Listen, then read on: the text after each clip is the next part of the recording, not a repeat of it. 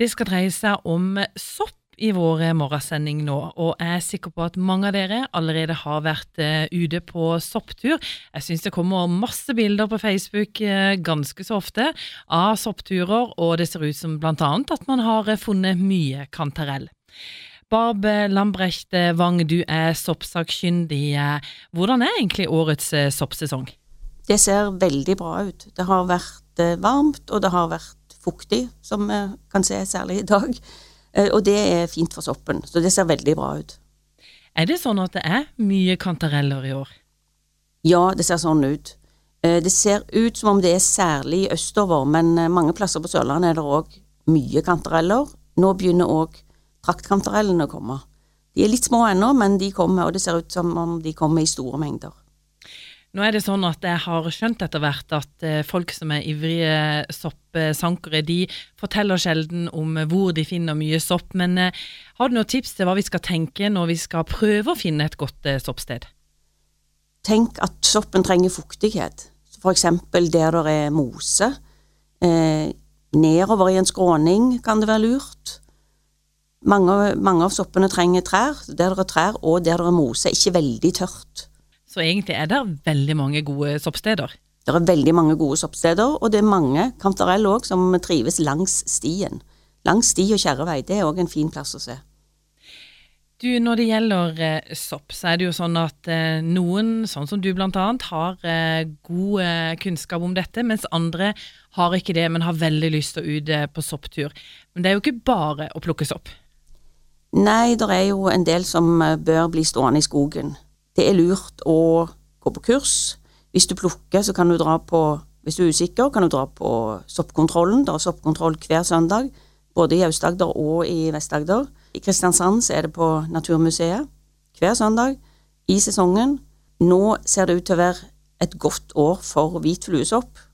Den bør bli stående i skogen. Det har vært en del forgiftninger allerede på Østlandet med hvite fluesopp. Den er skummel den kan du dø av.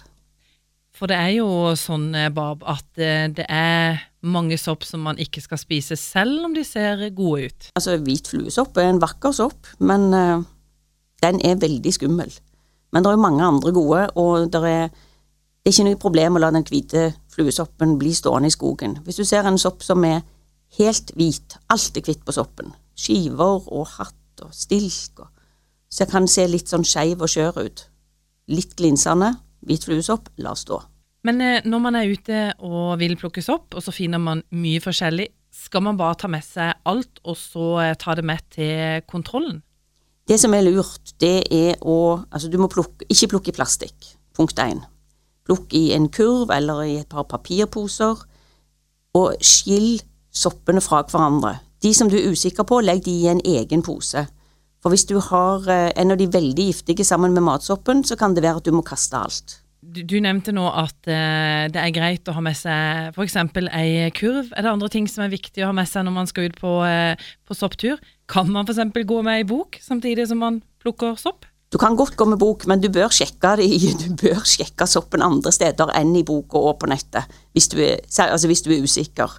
Det er lurt å Du kan ta med deg en som har peiling eller gå på en tur med en av soppforeningene. Det er soppforening både i Aust-Agder og i Vest-Agder.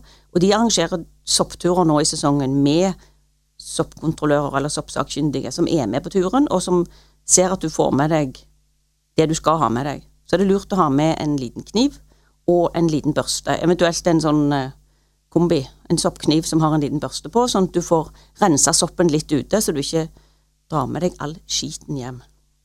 Er det stor interesse for uh, sopp? Ja, og den ser ut til å være voksende. Det er jo en uh, digital soppkontroll, og det er en voldsom pågang, og det ser ut til å være en stadig økning av folk som har lyst til å lære. For det testa jeg ut i fjor, den digitale soppkontrollen. Det er jo uh, genialt. Det er genialt. Da sitter det soppsakkyndige i den andre enden og får inn bildene, og så har vi ei liste med sopp som det er lov å godkjenne på bildet. Det er ikke en identifikasjons tjeneste. Det er ikke sånn at du kan sende inn bilder bilde av en obskur sopp og få vite hva det er. Du skal få vite de vanligste spiselige soppene og de vanligste giftige. Vi er i september måned, og september er jo en god soppmåned. Ja. kjennerne kaller ikke september for september, men for september. Har du sjøl vært ute og plukka mye sopp? Ja, det er vanskelig å la være. så jeg er mye ute. Og så eh, Du nevnte dette med, med soppkontrollene. Hver eneste søndag nå så vil det kunne kontrolleres. Og du sier også at eh, det er så mye god mat der ute. Det er veldig mye god mat der ute. Så husk å bare rense soppen godt, eh, og ikke ta med sopp fra Hvis du finner f.eks. en stor steinsopp Steinsopp er en veldig god sopp, men hvis den er av dårlig kvalitet, så er det bedre å la den stå. Det, de store rørsoppene blir ofte litt sånn myke og soggy, de skal være faste. Så hvis du ikke ville tatt den med fra butikken, så ikke ta den med fra skogen heller. Du kan bli syk av å spise sopp som ikke er spiselig, men du kan òg bli syk av å spise sopp som ikke er fersk og frisk.